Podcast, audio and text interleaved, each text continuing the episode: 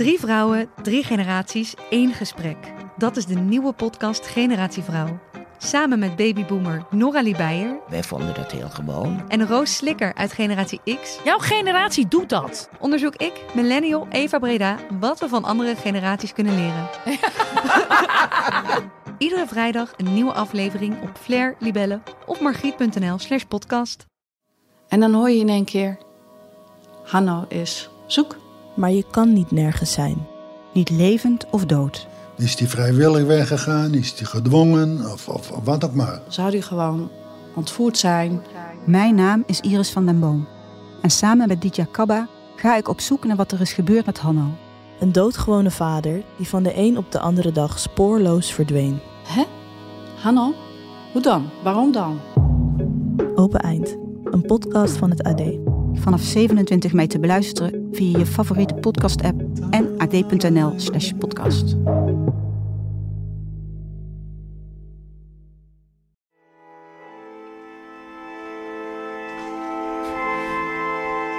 Het is zondagochtend en we zijn al vroeg wakker. En zoals het een goede revo betaamt, gaan we op deze heilige dag naar twee kerkdiensten.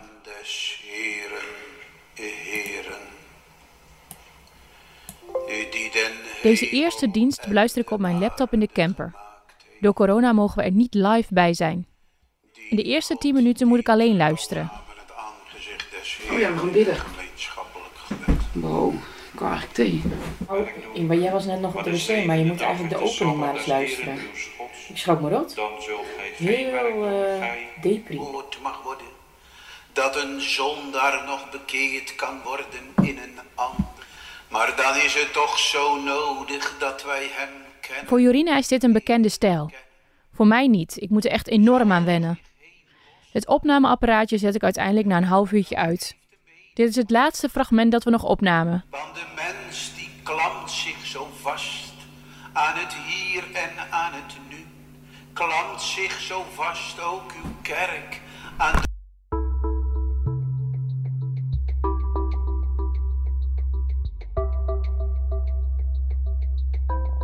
Dit is de podcast Bijbelbelt.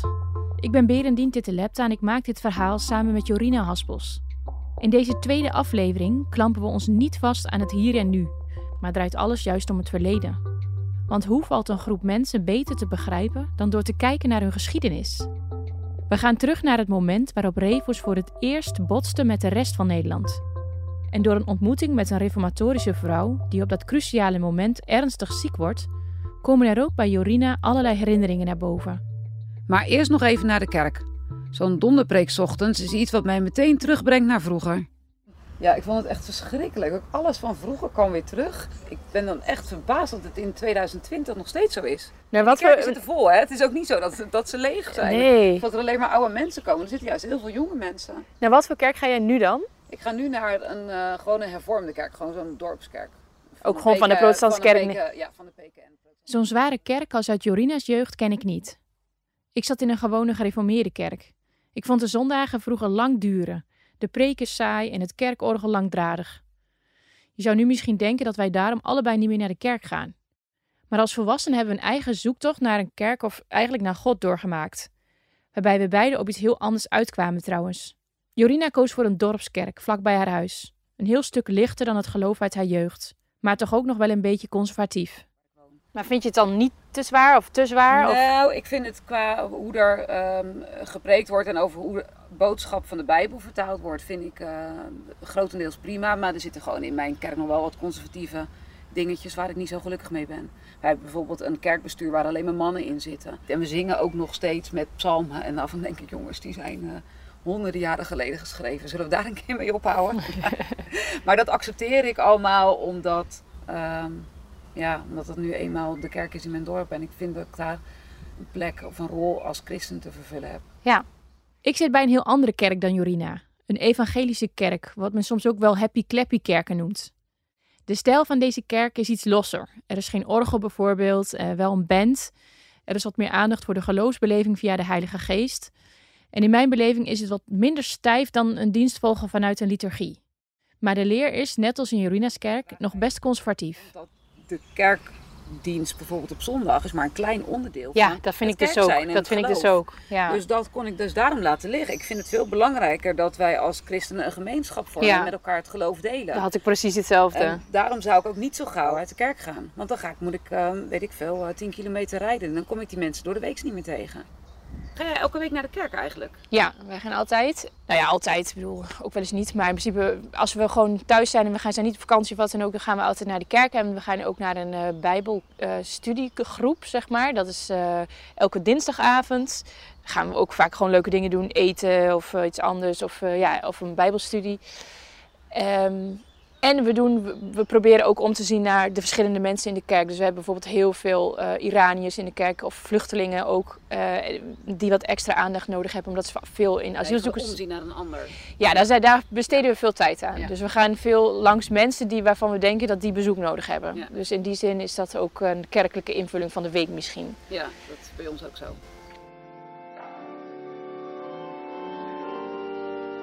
Smiddags is onze laatste kerkdienst. Dit keer wel live in een kerk in Vlissingen, waar de coronaregels wat soepeler zijn. Als het orgel begint te spelen, voeren de zware tonen van het orgel me terug naar vroeger. Ik zie die grijze buizen van het grote kerkorgel weer voor me, die ik elke zondag opnieuw telde om de tijd te doden.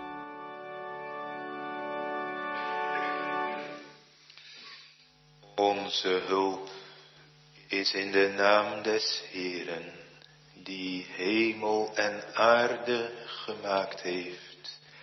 Tijdens de dienst ben ik vooral de outfits aan het bestuderen. Van de vrouwen eigenlijk. In de bank naast ons zit een meisje dat me aan mezelf van vroeger doet denken. Ze heeft een kort rokje aan met een lichte, dunne panty eronder. Alsof ze wil zeggen: Als ik een rokje aan moet, dan zul je het weten ook. Ons, uw naam alleen zij om uw trouw en goedertieren heen al eer en roem gegeven. Waarom Ik had verwacht dat iedereen een bescheiden hoed zou dragen en een beetje een stijve hoed ook. Maar ik zie ook één vrouw die heeft alleen maar een sjaaltje op haar hoofd. Later horen we van de campingbaas dat er in Vlissingen voor een gereformeerde gemeente het er ook wel erg lichtvoetig aan toe gaat qua kledingkeuze. En het lijkt alsof de dominee die praat ook een soort van hints probeert te geven daarover. kennen als de Heere gaat spreken? Die eerbied in die kleding voor de volk, dat ze die kleding eerst moesten wassen. Ligt daar voor ons ook niet een les in, dat we ons voorbereiden op de kerkgang? In het uiterlijke, maar ook in het zoeken van Gods aangezicht. Op de knieën, dat alles van de wereld aan de kant gaat.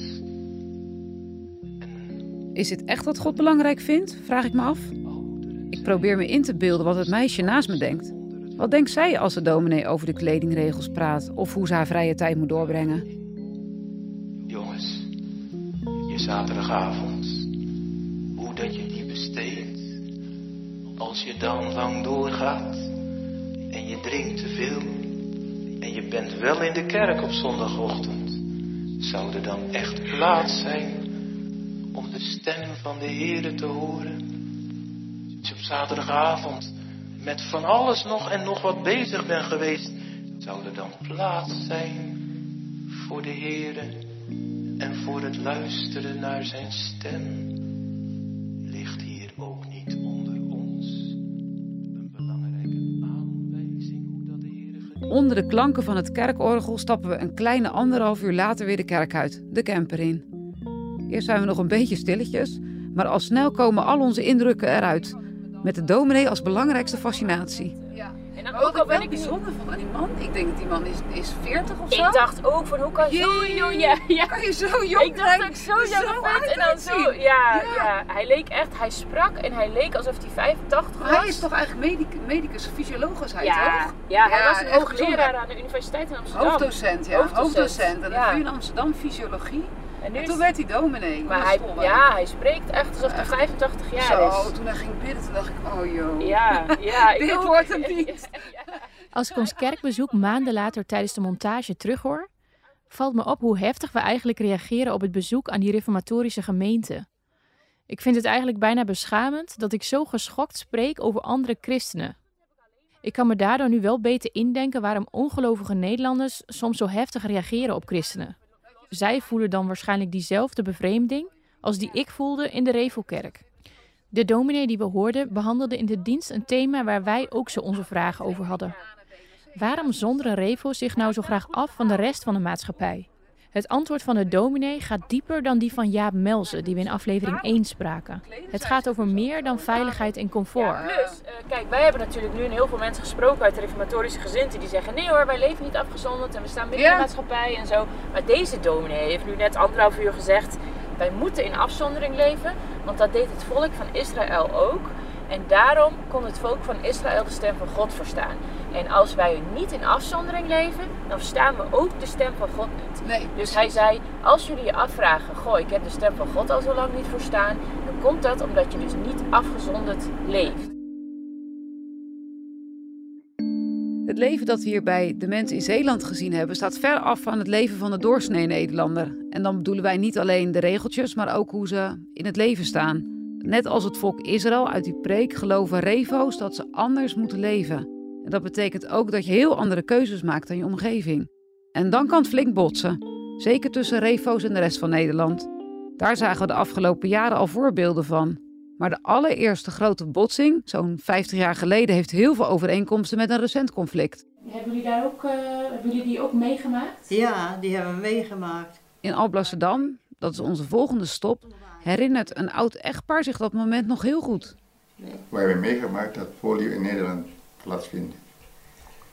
En veel kinderen polio had en ons jongste kind ook polio had. Oh, Polio. uw jongste kind heeft polio gehad. Ja, Meneer Noes en mevrouw Adri Tahapari hebben levendige herinneringen aan de polio-epidemie die plaatsvond tijdens de jaren 70. Hun dochtertje Nelly werd toen ziek.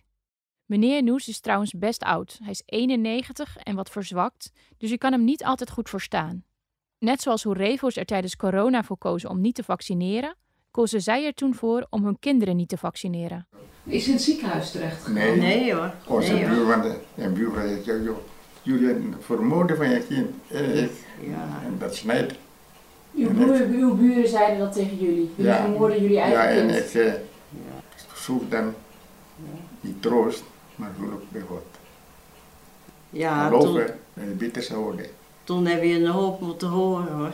Noes zegt: Ik zocht mijn troost bij God. Hoewel Nelly niet naar het ziekenhuis is gegaan en dus ook niet getest is, gaan ze er in de familie allemaal vanuit dat zij polio heeft gehad, met alle symptomen die erbij horen. Maar het echtpaar heeft geen spijt van hun beslissing. Want hebben jullie toen ook gedacht, we geven, want er waren allerlei noodvaccins of Ja, vaccinaties, een soort noodprogramma kwam Ja. er toen. Ja. Hebben jullie toen ook niet gedacht, we doen het nu toch? Nee, Nee, nee. als Nee. dat zou sterven, dat is de tijd.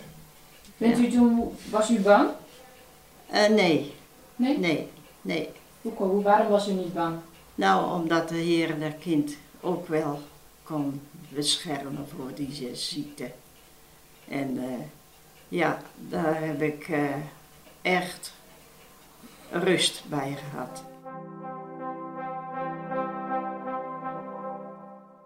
Hun dochtertje Nelly hield er uiteindelijk niets aan over. Dat maakte voor de meeste mensen die zelf niet tot de kerk van Adria Noes behoorden niet uit. Buitenstaanders oordeelden hard over ze. Toen, in de jaren 70, merkte het echtpaar voor het eerst dat de samenleving en zij uit elkaar groeien. Ook andere strenggelovigen merken het. In kranten verschijnen negatieve stukken over het besluit van Revels om zich niet te vaccineren. Een dominee op de Veluwe die daar openlijk toe oproept, wordt in Elsevier voor kindermoordenaar uitgemaakt.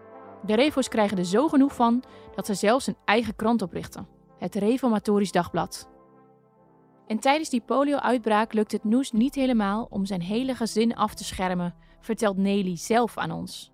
Haar oudere broer was toch iets rebelser. Ik weet nog wel dat je toen een suikerklontje kon krijgen. Daar deden ze druppeltjes op. Eh, want dat was dan een soort vaccin. Als je niet gevaccineerd was, moest je dat suikerklontje met, met die druppeltjes, met een antivirusmedicijn, moest je gauw innemen. Dus eh, dat weet ik nog wel, dat mijn broer dat toen heeft gedaan met zijn, eh, met zijn toenmalige vriendin. Ja, waar hij nu natuurlijk mee is getrouwd. En dat vonden uw ouders goed of dat heeft hij gewoon zelf gedaan? Dat heeft hij zelf gedaan, ja. Ja. Wel bijzonder. Ja, en ik denk dat het best wel discussies heeft opgeleverd. Ja, toen was ik tien. Nelly woont ook in Alblasserdam. In een appartement met haar man en haar jongste dochter en haar sierduif die je soms zal horen. En als je uit haar raam kijkt zie je scheepswerf Ocean Co, waar de meest luxueuze jachten voor de allerrijkste op de aarde gebouwd worden. En wat die wereld ongeveer inhield, ontdekte ze pas toen ze het huis uitging. Mijn, eh, mijn man heeft echt moeten lachen, want toen we getrouwd waren zat ik altijd achter de televisie. Ik kwam uit mijn werk, hup, televisie aan. En wat gingen we dan kijken? Alles. Alles. Zo mooi. Gewoon omdat het toen mocht. Omdat het mocht en het ging een wereld voor me open. En naar de kermis dus. En naar de kermis. En wat ik ook wel, nu ik me realiseer, toen ging ik later naar een vreemde, ik moest andere talen op school leren, dat is dus Engels en Frans en Duits. En door, dat was een gemis. Je had geen radio en geen televisie. Dat gaf mijn zus ook aan, die studeerde later. Je kon geen Engels leren. Want je hoorde niet hoe de Engelse taal was. En dan kregen ze als huiswerk mee. Je moet dat in dat radioprogramma luisteren, want dan kan je, dat een, van de BBC. Maar ja, dan kwam mijn zus op school en maar ik heb het niet kunnen luisteren, want we hebben geen radio. En dat geeft ook veel, ehm, eh, dat het een sta in de weg kan zijn om, als je geen media hebt, eh, om je verder te kunnen ontplooien in je studie later, in je loopbaan. Dus toen Nelly het huis uitging, wilde ze alles wat ze in haar ogen gemist had inhalen. Maar zonder schuldgevoel ging dat ook niet helemaal. Want het had altijd helemaal bij elkaar gehoord. Echte christenen en strenge regels. En dan dacht ik eens, ja, als ik nu een ongeluk krijg, dan ben ik verloren. Dat, dat, dat stemmetje was in eerste instantie wel. Of als je eh, naar een bos ging en dan ging je een boswandeling doen op zondag. Met je kinderen. En dan dacht ik, ja, je stel voor dat je nu een aanrijding krijgt. En eh, nou, wat zal mijn ouders ervan vinden? En eh, nou, dat niet alleen, maar stel dat het slecht afloopt. Nou, dat stemmetje had je wel, heel lang. Het is het stemmetje dat iedere zondag haar leven bepaalde. Weer of geen weer. Dat op zondag deed je dus echt niks, hè? Dus ook niet naar het bos, niet voor een bos Bij mijn ouders thuis. Nee, je bleef binnen, ook al was het 30 graden. Oh ja? Ja. ja. Gewoon binnen... eh, Boekje lezen. Boek lezen. En mijn ouders gingen, eh, zoals heel veel reformatorische ouders, die gingen dan zondags middags naar bed. En een maaltijd met soep. Ja. En mocht je dan wel in de tuin zitten of zo? Of zo? Later, veel later, toen ik eh, een jaar of 12, 13 was, toen mocht je in de tuin zitten. Ja. Maar niet in zicht, maar wel gewoon met je kleding aan.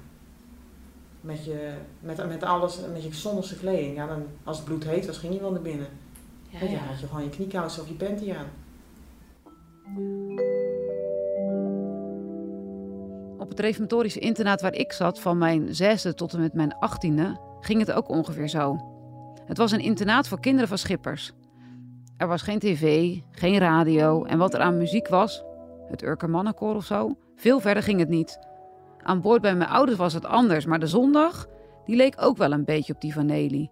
We gingen wel wandelen of fietsen, buiten zitten mocht ook nog, maar daar hield het wel mee op. Op zondag kocht je nergens een ijsje, je ging niet zwemmen, we gingen twee keer naar de kerk, aten soep met vlees.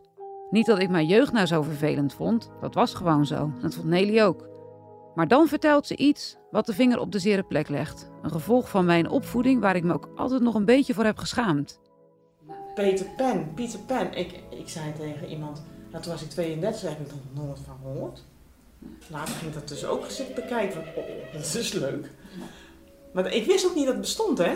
Dus toen ik later ouder werd, toen wist ik pas toen ik tussen de 20 en de 30 dat er een sprookjesboek van Grimm bestond. Want die was op de school ook niet. Precies hetzelfde bij mij. Ik geloof dat ik het verhaal van Pieter Pan pas leerde kennen toen in 2004 de film uitkwam. Ik was toen 29. Fantasieverhalen of sprookjes waarin dieren konden praten of waarin heksen of feeën voorkwamen, die werden niet gedeeld met kinderen. Er hing zo'n waas overheen zonder dat het nu precies zo letterlijk werd gezegd dat het slecht was. Niet goed. Ik, ik weet niet precies waar daar dan terug naar wordt verwezen dat dat, dat niet juist is. Om dingen uit te beelden eh, met dans of muziek. Ik kon nooit erachter komen waarom het niet kon. Ehm, ja, wel en dat een mens zondig is, dat werd dan verteld, maar dan dacht ik, ja, maar dat is toch niet zondig? Want dat is een gegeven, dat zijn zintuigen waar je mee wordt geboren. Dat is gegeven door de schepping. Er werd ook soms gewoon gezegd, dat was raar. Dat is raar, dat Ja. doen we niet. Nee, nee. Ondanks deze dingen, zegt Nelly, kreeg ze met haar Revo-opvoeding wel iets bijzonders mee. Ik vind eh, met de reformatorische opvoeding zoals ik het dan toch wel moet noemen, heb je toch wel goud mee in handen meegekregen. Je hebt een stuk gekregen wat, ehm, als je als buitenstaander uh, niet gelovig bent opgegroeid, ook al zou je, uh, nou ja, zeg maar, in de Bijbelbelt zijn opgegroeid, maar als je dat als buitenstaander moet gaan vertellen, is dat ja, voor de ander zo ehm, moeilijk om erachter te komen wat dat is. Er zijn er natuurlijk al heel veel tradities en regels mee verbonden, zoals met je opvoeding. Maar later kan je dat afpellen en kijken van wat uh, heeft het nou echt gebracht en wat is het eigenlijk?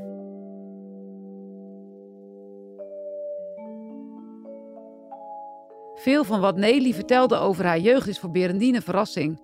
Maar voor mij is het een soort raar feest van herkenning. Een weekje later gaan Berendine en ik naar het oude internaat van me. Ik ben wel nieuwsgierig hoe het er nu binnen uitziet eigenlijk. Ik wil achterhalen of de tijd er stil is blijven staan. Binnen wacht juf Anke op ons, die ik meteen herken. Nou, je bent niet veranderd. Nou, dat zal toch wel een beetje. Ja, ietsje ouder, maar dat denk ik ook. Ik ben meer veranderd, denk ik, Samen met juf Anke en de oude directeur Wiechard wandelen we door het internaat.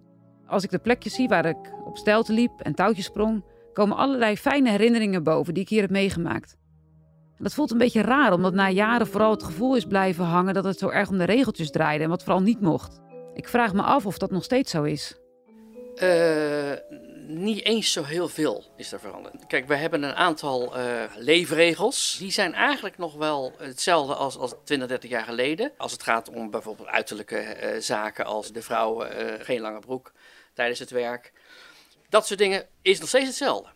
Wij lezen ook nog de, de, traditionele vertaling, uh, statenvertaling lezen. Waarin we veranderd zijn, is natuurlijk dat we ook inmiddels de moderne sociale media wel in huis hebben. We hebben internet, we hebben computers en telefoons, smartphones. Dat soort dingen doen we wel mee met de moderniteiten van, van, deze tijd. Dus het is ja, een beetje ehm, dubbel. Enerzijds, als je binnenkomt, denk ik wel dat als je, als van niks weet, dat je denkt van hé. Hey, het is hier toch wat anders dan normaal. Er staan hier geen uh, tv's op de, op de groepen. De, al die vrouwen lopen met, met een rok aan. Wat is dat voor, ja, voor organisatie? Aan de andere kant, als je hier langer bent, dan kan je niet zeggen dat we ons ontzettend geïsoleerd en, en bijzonder opstellen als het gaat over de opvoeding van kinderen. Daarin doen we gewoon mee met de dingen die. Ja, de visie van nu. Visie van nu, precies. Om eerlijk te zijn valt mijn mond bijna open van verbazing op dit punt. Ik zie spelcomputers staan waarop FIFA gespeeld wordt. Kinderen mogen nu lid worden van een sportvereniging, terwijl in mijn tijd sporten vooral werd gezien als lichaamsverheerlijking. En als kers op de taart vertelt Anke ook nog dat er meer openheid is tussen de kinderen en de begeleiders. Ja, gewoon uh, dat, dat kinderen ook uh, meer, uh, als, als, we een stukje lezen uit, uit een dagboek van hebben jullie er vragen over? Dat vind ik eigenlijk ook wel meer hoor. Dat, het, dat we een aantal dingen juist bewuster zijn gaan doen en wel meer met de kinderen over hebben. Ja, dat vind ik best vind ik positief. Ja, moet ja, ik zeggen. ja, ja. En ook wel met de ouderen natuurlijk. Wat speelt er in, in, de, in de maatschappij? En. Het klinkt allemaal heel fijn, denk ik, tevreden bij mezelf. Ik ben blij dat er veel meer mogelijkheden zijn voor de kinderen dan vroeger. En naast al dat sport en spel wordt dan ook nog met deze kinderen gepraat. En dan, tijdens deze prettige gedachtenstroom, kaart Berendien een heikel onderwerp aan. Uh, jullie hebben als bestuur waarschijnlijk ook, uh, ik weet niet of dat anders is dan op een school, hebben jullie waarschijnlijk moeten nadenken, wat gaan we doen met het uh, LHBTQ-vraagstuk? Dus als er, als er jongeren komen die zeggen, ik ben toch homo, ja. of, of, do, of docenten, hoe, wat is daar uitgekomen? Wat is jullie beleid? Ja. Hoe jullie dat beleid op? Uh, nou, daar zijn we wel over aan het nadenken. Uh, echt, echt concreet geschreven beleid hebben we er niet over. Het is, het is lastig. Dat, uh, ik kan niet zeggen dat dit een thema is wat elke dag lekker breed uitgemeten wordt. Daar ben je ook een beetje voorzichtig in. Het is niet zo dat je er niet over kan praten. Zeker niet in de verhouding met groepsleiding. Maar vanuit beleidsmatige kant is er nog wel wat reserve om daar nou nu al de volle discussie over te openen met ouders. Is het, waar? het kan natuurlijk niet waar zijn dat in al die jaren dat, dat het nooit is voorgekomen. Dus, dus hoe gingen jullie dan, er moet toch iets zijn hoe jullie er op dat moment mee om zijn gegaan? Nou ja, de, of het nooit voorgekomen dat, dat weet ik, weten wij niet. Uh, het is in ieder geval nooit een thema geweest wat uh, openbaar is gekomen. Dus ik zal de laatste zijn die zeggen, uh, het bestaat hier niet. Maar het is in ieder geval nooit openlijk hier uh, aan de orde geweest in discussies. Maar ja, dat het niet openlijk wordt besproken, betekent niet dat er geen behoefte is om erover te praten. En dat het is voorgekomen, weet ik 100% zeker. Want een paar dagen eerder gingen we namelijk op bezoek bij iemand die hier ook rondliep in mijn tijd. Ik heb altijd gedacht, tot mijn 37ste dus, dat ik een soort koude kikker was. Zo van, nou oké, relaties, dat is blijkbaar niks voor mij. Uh, verliefd worden, dat kan ik niet. Ik ben daar te cool voor of te afstandelijk of wat dan ook. Nou, totaal niet. Alleen ik keek naar de verkeerde kant.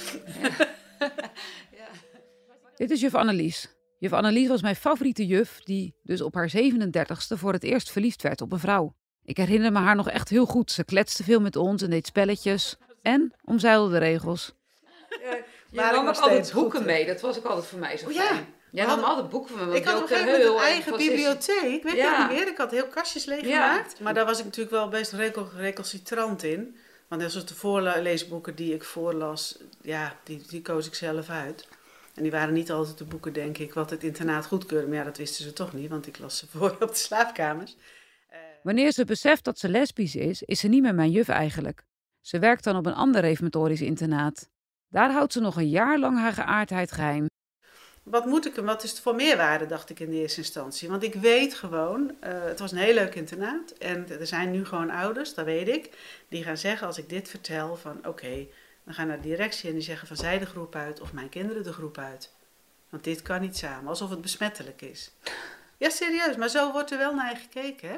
Alsof... Maar als collega's en ouders een contactadvertentie willen zetten om voor haar een mannelijke date te vinden, besluit ze toch dat ze haar mond open moet doen. Dus dat was ontzettend hilarisch, maar zo hypocriet vanuit mij gezien, omdat ik zoiets heb, ja, wat moet ik hier nu mee? Ik, ik ja, kan met die man helemaal... kom ik niet thuis. Nee, Dat ik heb hier helemaal niks aan. Ik wil er ook helemaal niks mee. Toen heb ik uiteindelijk de, de stoute schoen aangetrokken en mijn twee collega's verteld. En de ene die had zoiets van, oh, ik dacht ook al, ja, nu snap ik het. Jeetje, oké, wat leuk. En de andere barst in huilen uit. Ik denk, huh? Ik zeg, hoezo? Wat erg voor je. Ik zeg, nou, dat vind ik persoonlijk wel meevallen. Ik zeg, maar waarom vind jij het zo? Want dat mag niet. Vanuit de Bijbel. En daar was de Bijbel dan ineens weer. Het mag, je mag het dan wel zijn, uiteindelijk kwam dat eruit, maar je mag er niks mee doen. Ik zeg, nou, dan heeft dit keer de Bijbel een beetje pech met mij. Ik zeg, want ik ga er wel te degen wat mee doen. Ze neemt uiteindelijk ontslag, maar aan de ouders van de schipperskinderen besluit ze niks te vertellen. Uh, ik heb het overwogen. Ik denk van, nou, nu heb ik toch een andere baan. Uh, zal ik het gewoon vertellen? Ik denk, ja, en dan?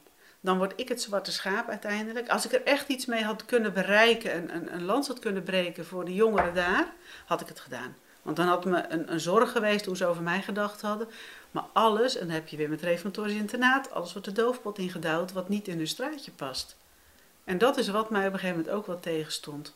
Zo van, er, er was zo weinig discussiemogelijkheden, ze stonden zo weinig open voor wat er buiten hun wereldje zich afspeelde, dat ik echt zoiets had van, nou, hier heb ik helemaal geen zin in om dan het zwarte schaap te worden, om vervolgens in de doofpot te belanden. Dus, even terug naar ons gesprek op het internaat.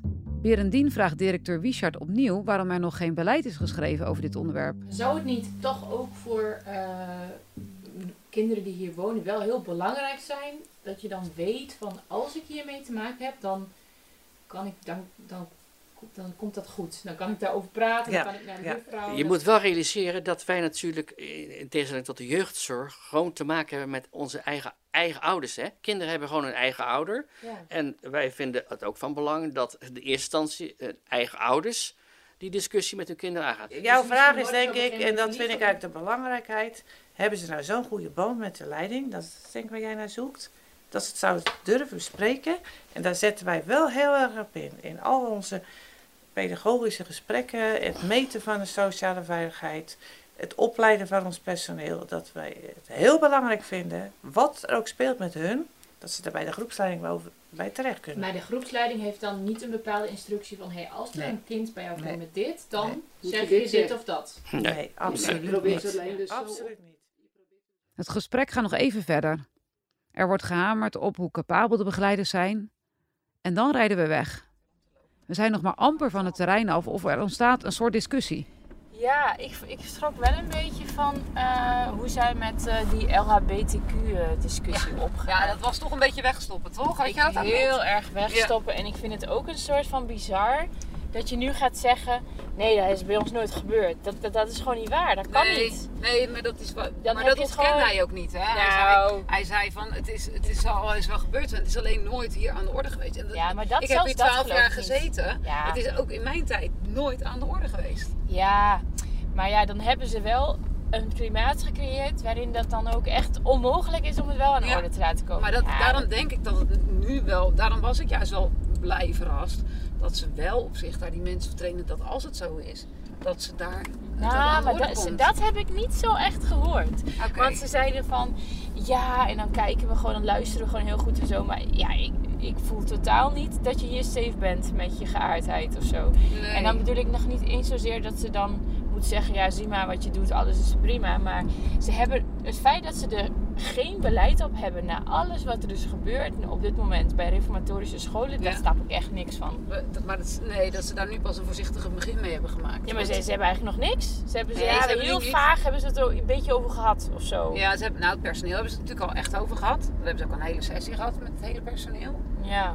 En ze hebben het één keer geprobeerd het op te schrijven. Dat is toen niet gelukt. Omdat ze de woorden vaak dan te hard vonden overkomen. En nu waren ze er weer voorzichtig mee bezig. Dus ze hebben wel een paar pogingen, een paar pogingen gedaan. Ik dacht in en elk ik geval had meer het jeetje. idee van dat ze denken, zolang het niet bestaat, jongens, eh, dan hoeven we ook niemand pijn Ja, te maar doen. dat viel me dus tegen. Ja, Ja, maar pijn doen, tegen. dat is dus juist onzin. Want je doet dus juist heel veel mensen pijn door, de, door te doen alsof het niet bestaat. Ja. Daar- ik, ik- soms heb ik hele begripvolle bij, maar nu was ik gewoon een beetje chagrijnig. Toen dacht Nou ik, ja, ja, nee, ik had hallo. het wel. Maar ook omdat ik... Eerlijk, het is moeilijk om dit opnieuw te horen. Ik merk dat ik pogingen doe om het voor mijn internaat op te nemen. Dat ik het aan het verzachten ben omdat ik deze mensen ken. Maar Berendien heeft natuurlijk gelijk. Zelfs andere reformatorische scholen zijn verder met het bedenken hoe ze moeten omgaan met LHBTQ'ers dan mijn oude internaat. Ja. ja, weet je wat? het- nu zie je ook weer duidelijk het verschil. Als je mensen kent, zoals jij kent hun nu, dan, ga je, dan denk je echt van, eh, ja, maar ik ken hun en ze bedoelen het allemaal niet zo. Nee, niet van ja, ze doen het allemaal niet zo, maar je legt het wel, je interpreteert het positief. positief. Ja, maar dit, dit is wel vaker als je dan eenmaal mensen kent, dan weet je van ze hebben niet het slechte. Terwijl als ik hier nu zit en ik ken hun niet, dan denk ik van ja, daar gewoon. Hoe kunnen jullie nou zeggen, ja, nee, is nooit voorgekomen. Ja, dan Ja. heb je echt iets verkeerd gedaan. Heb je Alleen, toch wel het een speelde onveilige... gewoon. Het speelde, ja. Heb je ja, een onveilig klimaat gecre- gecreëerd. Ja, of mensen waren allemaal nog zo eh, geïndoctrineerd dat ze gewoon helemaal, net als Annelies, die dacht van nou, ik word gewoon niet zo gauw, ik word niet zo gauw verliefd. Ja, maar toch blijkt dat altijd dat in elke situatie overal wel homo's uit de kast komen. Het kan ook gewoon echt niet waar zijn dat hier 40 jaar lang niemand met zijn gevoelens naar buiten is gekomen. Nee, dat kan ook niet waar zijn. Dat, Dat weet is ik ook. Dat is gewoon procentueel gezien is dat niet waar. En ik weet ook niet of dat in het huidige klimaat het ook niet zo zou zijn. Of ze dan wel uit de kast komen. Nee.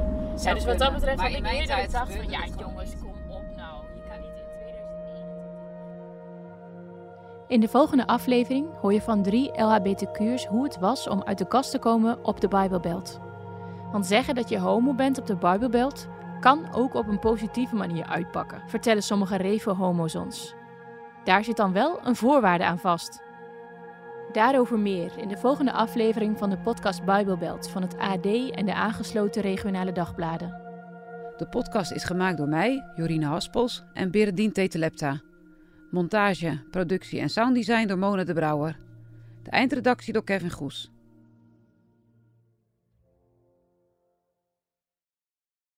Gerda Wilhelmina Bom. 1 jaar. Jacobus Malheer van de Bos, 56 jaar. Wist je dat er na de watersnoodramp van 1953 nog altijd 105 vermisten zijn? Ja, kijk. Zeven maanden. Voor nabestaanden is het als een wond die nooit helemaal geneest. Hij vond dat wel erg. Hij was eh, twee zussen kwijt. Waar, waar zijn ze? Jan van den Hamer verloor twee tantes en hun lichamen werden nooit gevonden. Nooit niet over gesproken. Nooit. Dus als een groot onderzoek kans op antwoorden biedt, twijfelt Jan geen seconde. Mijn vader en moeder hebben er ook niks mee aan. Maar die zou het ook dolgraag geweten hebben. Hé, wie, wie of wat. Dat weet ik pertinent zeker. Hij staat DNA af. Maar lang niet alle mensen die nog familieleden missen, doen mee. Het is net een oude wond die je weer open maakt en waar je ja, waarschijnlijk eh, misschien last van kunt hebben. In De Vermiste van 53 vertellen we het verhaal van de intense zoektocht naar de antwoorden op de laatste vragen van de watersnoodramp. Blijven zoeken naar, naar je vader. Of naar je kind. Of naar je zus, je broer. Waar zijn de lichamen van de vermisten? Voor iedereen is er een graf. Ook al ben je vermist, er is een graf voor. Nu de laatste ooggetuigen nog in leven zijn, dringt de tijd meer dan ooit. Ik heb DNA afgestaan. En toen op een gegeven moment, toen, eh, ja, dat, dan, komt dat toch wel even binnen. Eh, ik werd opgebeld. Ja. We hebben een, een match. Ik ben Noortje de Kroon. Ik maak deze podcast samen met Rolf Bosboom. Je vindt de afleveringen op pct.nl slash podcast, ad.nl slash podcast, de sites van de aangesloten regionale dagbladen en natuurlijk je favoriete podcast app.